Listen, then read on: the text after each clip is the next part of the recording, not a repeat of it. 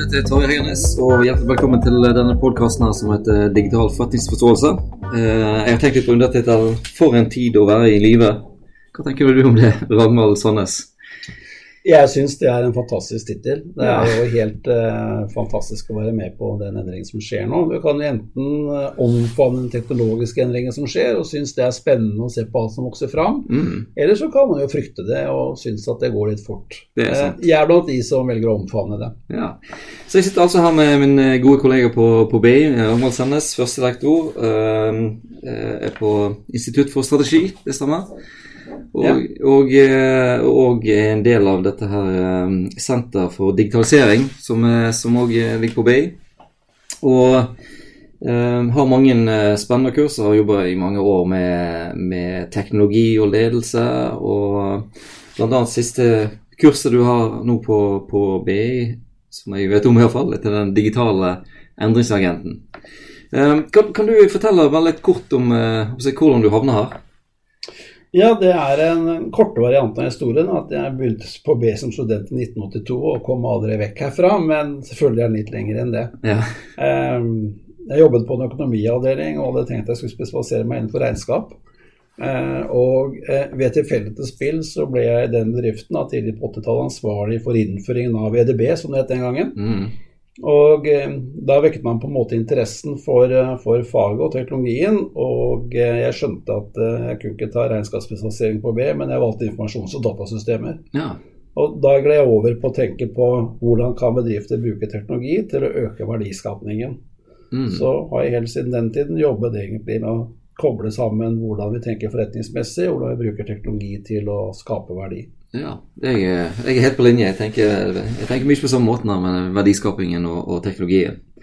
Um, så siden du er nå i, på Senter for digitalisering, eh, hvordan eh, vil du definere denne digitalisering? Mange har jo mange meninger om, om hva det betyr. Jeg vet ikke om du kan klare litt opp i det, eller prøve å sette noen, noen rammer der? Ja, det gjør jeg gjerne. Eh, I dag er jo både innovasjon og digitalisering er jo ord som alle bruker, mm. eh, uten at man er veldig presis på hva man mener, og det er jo nesten tomme for innhold. Eh, jeg tenker jo at eh, digitalisering eh, kan man jo velge ulike tilnærminger til. Noen mener at bruke digital teknologi er digitalisering. Og da er min innvending at ja, men da har vi drevet med det siden slutten av 50-tallet. Da trenger mm. vi et nytt ord nå i 2010 pluss for å beskrive det som skjer. For da er det bare god gammeldags bruk av, av IT. Mm. Det som jo skjer nå, og som jeg har sett de siste årene, fra sånn ca. 2010 og, og, fremover, er at vi har fått tatt bruken av teknologi til et helt nytt nivå. Vi ser nye anvendelser, vi løser problemer vi ikke kunne løse for kort tid siden. Vi velger helt andre tilnærminger til hvordan vi løser problemer og skaper verdi, bygger nye forretningsmodeller osv. Og den endringen eh, kaller vi digitalisering. Mm. Vi har en definisjon. Vi sier at eh, digitalisering det er endringen fra at IT er et støtteverktøy i virksomheten, til at det er en del av bedriftens DNA. Mm. Og så sier vi at det betyr også at bedriftens organisering, prosesser, forretningsmodell, forretningspraksis er tilpasset det å kunne bruke dagens teknologi, men også forberedt for morgendagens teknologi. Mm. Hvordan, eh, hvordan, tilpasser du deg i morgendagens teknologi? det lurer jeg på. Det er jo et veldig godt spørsmål. Eh, særlig med det tempoet vi har nå. Vi kanskje ikke vet helt hva som kommer i morgen. Eh, men jeg tenker at for en, for en bedrift da, så betyr det at du ikke må, først ikke må låse deg inn i systemet. Du må på tid Så ser vi jo tendensen mot at man flytter seg ut i skyen. Og at du istedenfor å ha fokus på hvilken funksjonalitet du får i dag, så er du opptatt av hva du kommer i morgen, og hva du kan gjøre med dataene dine.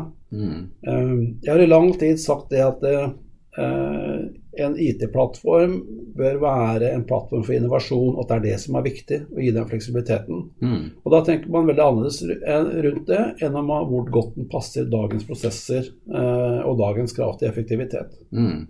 Så, så, så ha et eller annet å, bygge på som, gjør, som, er fleksibelt, som kan endre seg på, på kortere tid. For det er jo en, eh, en kjensgjerning en del eldre IT-systemer de er på en måte, når de er satt, så er de satt. Og da, eh, mm. da, da bør du ha samme forretningsmodellen resten av eh, den tiden du har tenkt å drive bedriften.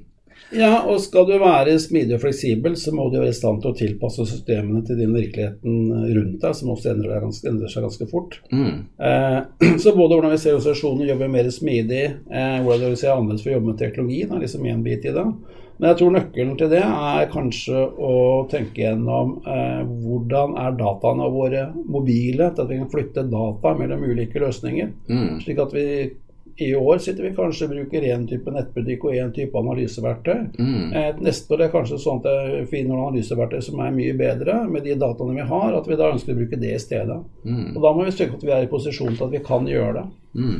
Mm. Så dataportoer dataporto- Det var vanskelig å si. Dataportabilitet, det er viktig. altså det er at eh, Å hegne om sine data, men samtidig passe på at eh, du kan flytte dem fra et system inn i et annet system. La oss si du rett og slett rent teknisk du har en eh, transaksjonsdatabase som er kjempesvær.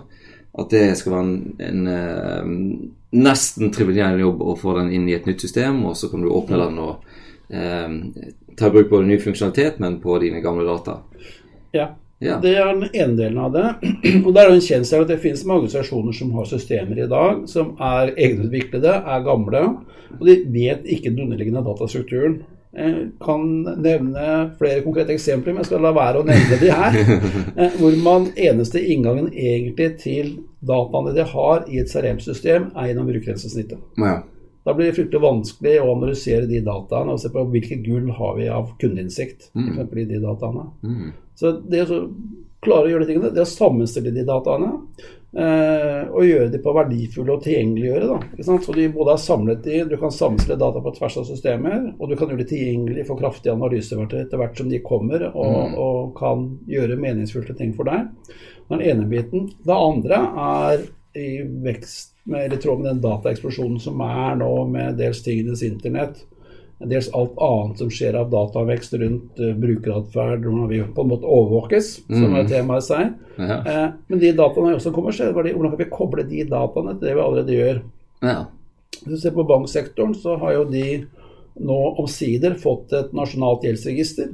Ja. Hvis formålet er å hindre folk i å oppta for mange forbrukslån på kort tid. Mm. Fantastisk god sak og, og initiativ.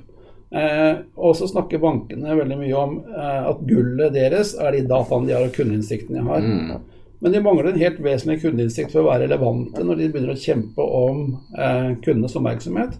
De har ikke dataene om kundenes økonomiske atferd før det er et faktum. Mm. Ikke planlagt, i alle fall. Nei. Nei, eller bare atferd. Ja. Altså, hvis du tenker på at eh, om du nå skulle vurdere å, å skaffe deg bil eller en hytte eller noe sånt, Mm. så er det jo sånn at det, det finnes aktører som vet det på nettet. Ut ifra den søkeatferden din, Finn vet det sannsynligvis, eh, Facebook, eh, dobbeltklikk, og disse Mm. vet hva du gjør på nettet. De har til og med en modell som sannsynligvis kommer opp med en ganske god prediksjon på den der modellen, den bilen du stadig vekk ser på på nettet, kommer du aldri til å kjøpe. Mm. Eller gjør det. Ja. De vet jo dette lenge før. Banken vet ingenting, for det eventuelt går til banken og søker bilfinansiering. Mm. Ja. Det å kunne så være forberedt på et eksempel å koble data på tvers, det også vil være nyttig. Offentlig sektor, open data, snakker man om det samme. Bygge tjenester hvor du setter sammen data fra det som i dag er siloer. Mm. Og Da må du også gjøre det tilgjengelig, og så må du være i stand til å koble det. Ja. Og hvorfor lagde de ikke gjeldsregister for mange mange år siden? Det er jo et, eh, det er et annet spørsmål. Så vi Ja, det er er spørsmål, et godt spørsmål. så vi ikke trenger å Vi trenger ikke gå inn i dvele ved det akkurat nå, men, eh, det, eh, det, det, er litt, det er litt rart, syns jeg. Ja. Um, det som jeg tenker på, det er at eh, nå eh, folk som skal eh, Som er i den prosessen, og mange er jo i denne prosessen, enten som mm. eh, initiativtagere eller som deltakere i prosessen. Så hvordan, eh, hvordan angriper vi en sånn prosess? Eh, jeg vet at det er vanskelig å gi noen sånn generelle råd, men må du vel si noe sånn Kanskje gitt spesielle situasjoner, eller hvor, henne, hvor er det lurt å starte, rett og slett? Det første rådet er veldig enkelt. Vær nysgjerrig. Altså prøv med teknologi og lær. Eh, og det er ikke så farlig som hva det er, bare du gjør noe, tenker jeg. Eh, noen teknologier som er lett tilgjengelige, som passer de fleste virksomheter, er jo å prøve ut en RPA, altså en Robotic Process Automation, som kan hjelpe deg med å, automatisere standardiserte oppgaver som i dag blir utført manuelt, eller blir gjort av mennesker. Eh, og det er også det er det såpass enkelt å sette opp at det er veldig mange organisasjoner klarer å gjøre det selv, eller med en enkel hjelp. Så det er en lav kostnad. Og hvis du får den til å skalere opp og, og sette den i arbeid, 24-7 som er mulig, så har du et fantastisk godt regnestykke på menneskemaskin. Mm. Men det viktige er ikke den biten der, men det er læringen i det. Og så er det hva du kan gjøre når du først har gjort det. Mm. Og det er nøkkelen til at DNB kan gi deg eh, svar på utvidelse av boliglånet på to minutter er at de setter en sånn teknologi på det og ikke bruker mennesker. Det interessante for DNB tror jeg ikke er kostnadsbesparelsen, men at de er i stand til å gjøre det. Mm. For deg som kunde er det det at de er i stand til å gjøre det som har verdi. Mm. Så de eksperimenterer eh, med de tingene. Samme med bruken av en chatbot.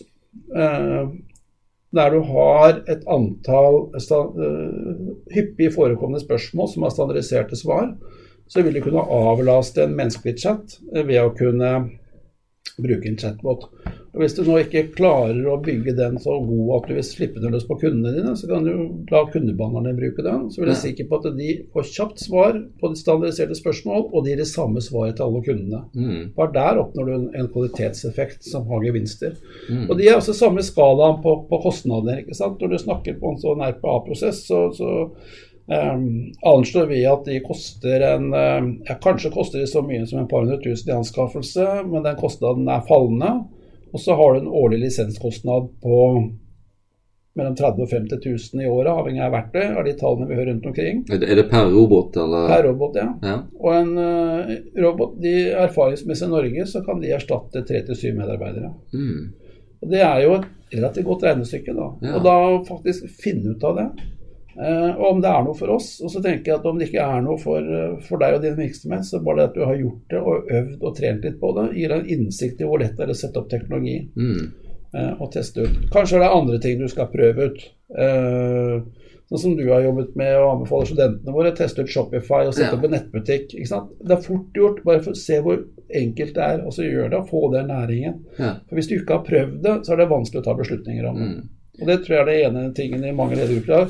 De vet ikke hva de snakker om når de snakker om digitalisering og teknologi. og De tror det er som å ta i bruk RP-systemer for 10, og 15 og 20 år siden. Ja. Og det, vi er Det er der lenger. Det er noe helt annet i dag. Eh, Jeg ser jo det, det eh, Av og til så skiller vi mellom sånn eh, tungvekts-IT og lettvekts-IT. Ja.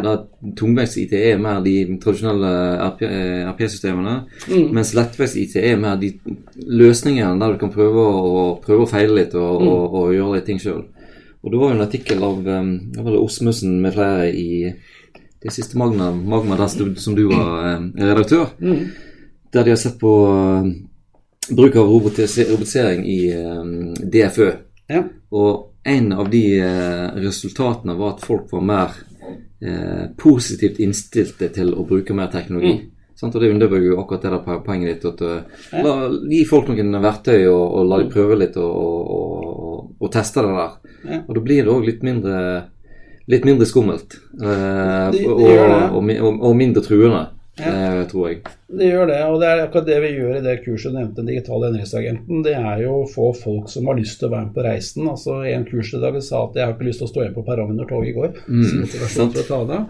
Men da, det vi gjør der, er for så vidt to ting. Det ene er også nettopp gi dem noen hands on opplevelser med teknologi, så vi på en måte avmystifiserer den biten og, og skaper litt nysgjerrighet. Mm. Og eh, vi gir dem noen praktiske verktøy til å jobbe med, den, med endringsprosesser. Ja. Eh, og verktøy for å hjelpe dem til å jobbe i det eh, digitale initiativ. Mm. Eh, og Det er jo det det handler om, da, å lære seg de tingene. Og så er det at måten man jobber på er veldig annerledes enn tradisjonell problemløsning. Mm. situasjonen, Så det er også en ting man trenger å bli trent i, da, som vi har fokus på.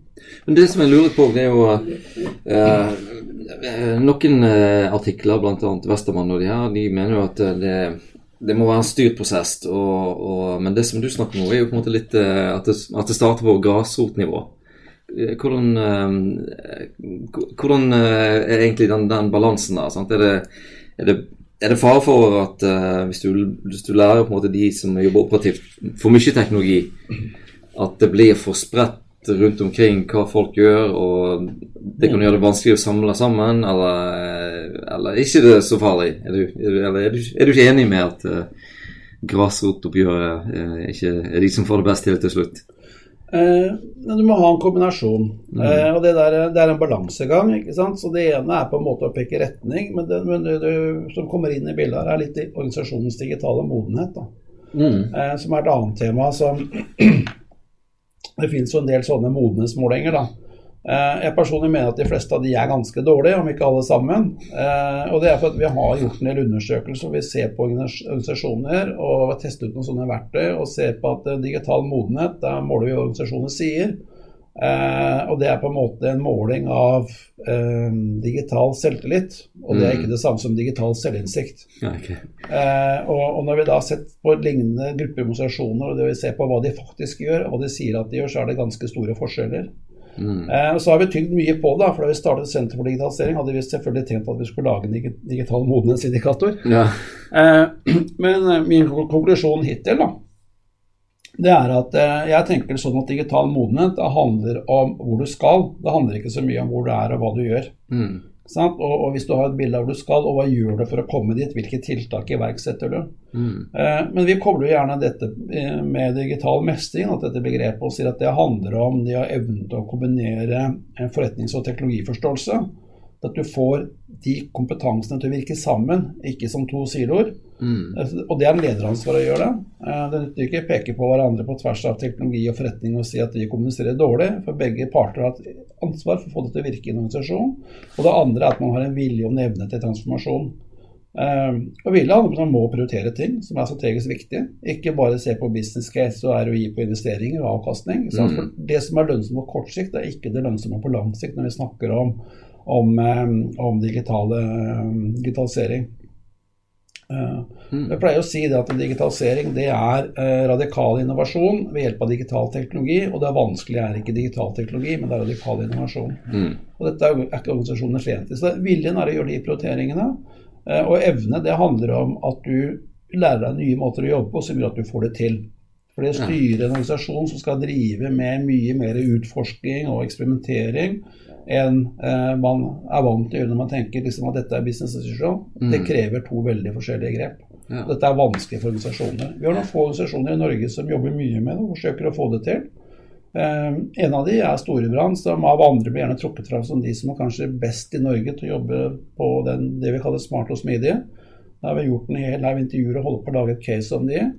Uh, en annen som stadig vekk er fremme som et eksempel, er jo DNB med sitt Digital Floor og nå Digital House. Hvordan de prøver mm. å ta arbeidsmetodikken de lærte med VIPS og sette det i system for å få alle innovasjonsprosesser i DNB til å skalere med en speedermetodikk. Mm. Det er selvfølgelig utrolig mange andre som jobber på, på den måten. Da. Men det som er interessant, er å se hvordan de greier også forsøker å få til å skalere ut organisasjonen, slik at organisasjonen er smart og smidig, og ikke bare IT og forretningsutvikling. Mm. Det, det, som jeg syns er interessant, og som eh, og for så vidt flere har pekt på, det er jo at eh, når du snakker om digitaliseringstiltak, så kan det være uh, rett og slett å lære IT-folk mer om forretningen. Mm. Sånn, fordi det beveger jo folk i den retningen. Sant? Det, å lære folk å bruke en RPA, det, det beveger ja. folk i, i, den riktige retningen der. Mm. Så det er ikke alltid Og det, det syns jeg òg er litt interessant at uh, alle som utdanner økonomistudenter, mm. har jo nå blitt, kommet veldig på banen med den teknologiforståelsen. Mm. Men ingeniører de sitter litt sånn på sidelinjen og sier ja, her er det vi som bestemmer. Vi trenger ikke lære oss noe som forretning. Og jeg, jeg, tror at akkurat, akkurat, nå er ingeniørene i sitt S, og de mm. ansetter masse ingeniører og ikke så mange økonomer lenger, f.eks. i DNB. Ja. Men uh, i, forhold, i, forhold, til at disse teknologiene blir lettere å bruke, sånn, sånn som du snakker om med mm. både, både, RPA og mm. skybaserte tjenester, så kommer liksom de her ingeniørene til å dette litt bakpå hvis ikke de eh, får den endrings, eh, endringsviljen og, og eh, forretningsforståelsen som, som, uh, som, er det, som, er, som, den andre delen hvis du har teknologiforståelse. Ja. Men jeg tror måten å gjøre det på altså Vi har tidligere vi har kjørt kurs med vi kaller forretningsforståelse for teknologer osv. Eh, og Det er jo vel og bra, men jeg tenker at det det, det det, handler om, er at organisasjonen evner å kombinere de som har domenekunnskap, altså om forretningen, mm. de som har teknologikunnskapen. Og da mener jeg at veldig mange IT-avdelinger sitter ikke med teknologiforståelse, de sitter med systemkunnskap, mm. som er to forskjellige ting. Ja, det er faktisk forstå hvordan teknologi endrer seg over tid, og hva det betyr for de valgene du gjør. Og eh, få, det, få de til å få et effektivt samspill. Og Der er det jo den eksperimenteringen som, eh, som mange gjør med å jobbe eh, både datadrevet, altså det vi kaller smart og smidig, at du jobber datadrevet. Veldig fokus på, på å være kunde, kundeorientert. Og at man sammen, på tvers av forretning og teknologi i ulike roller, jobber i kryssfunksjonelt team som er ansvarlig for kvaliteten på den forretningsmessige tjenesten som leveres, ikke bare på den tekniske biten. Mm. Men så sitter du som utvikler i Teams, og i en del av så er du faktisk medansvarlig for bunnlinja. Mm. Det er sant, det. Og da, da får du en ansvarliggjøring gjennom at du har en rolle som er en annen karakter. Mm. Og dette er jo vanskelig å få til i en næringsprosess i en organisasjon, men det er noen som får det til eh, bedre enn andre. Ja. Og, og så har vi jo påvirker jo det veldig mye hvordan du styrer også. for Når du går inn og styrer sånne prosesser, så har du ikke lenger den hier- hierarkiske lederen som tar beslutninger. Beslutningene blir tatt i timene, eller kanskje til og med beslutningene blir tatt på bakgrunn av hvordan gikk eksperimentet. Ja. Så du, lederen setter mål og, og, og kriterier, og så er det en test, og så er det testen som tar beslutningen. Mm. Det er også en veldig endring i hvordan du leder en sånn organisasjon. da. Dette er jo det som i, i fagspråket kaller å være ambidextrous. Ja. Eh, Det å være tohendig, som jeg sier da, i forhold til språk. og Du bruker både høyre og venstre hjernehale samtidig. Men det er jo veldig forskjellige måter organisasjoner fungerer da, om du bruker den mer han kan si, analytiske siden eller den mer kreative siden. da. Mm. Og her skal man forsøke å gjøre, gjøre begge deler. Mm. Eh, Det er jo vanskelig alltid. det er vanskelig, og det er noe man må lære seg å gjøre. Det Ja. skiftet. Men, eh, men det krever en endring, og det ut, utfordrer selvfølgelig eksisterende posisjoner. Ja. Og Det er det noen som elsker og omfavner, og Ja. det er noen som føler det som en trussel. Og, og du kommer kanskje vekk fra en situasjon hvor du måler din posisjon på hvor mange medarbeidere som rapporterer til deg. For det Mm. gjør egentlig ingen. Du setter retning, og så gjør du en jobb, og så leverer du resultater. Ja. Så det er en helt annen struktur på, på, på den Ja. biten En der. annen, en annen tankegang. Ja. Um, jeg har to spørsmål igjen før vi runder av. Um, eh, hva, for, innenfor, eh, innenfor paraplyen digitalisering, og hvis du tenker så, uh, egentlig både som bedriftseier og bedriftsleder, hva er det, liksom, det viktigste å få grep på i forhold til ulike teknologier, organisasjonsendring, sånne ting? Mm. Eh, Hva, hva, hvor, hvor begynner vi? Hva er det viktigste å, å, å ha liksom, i, i bakhodet?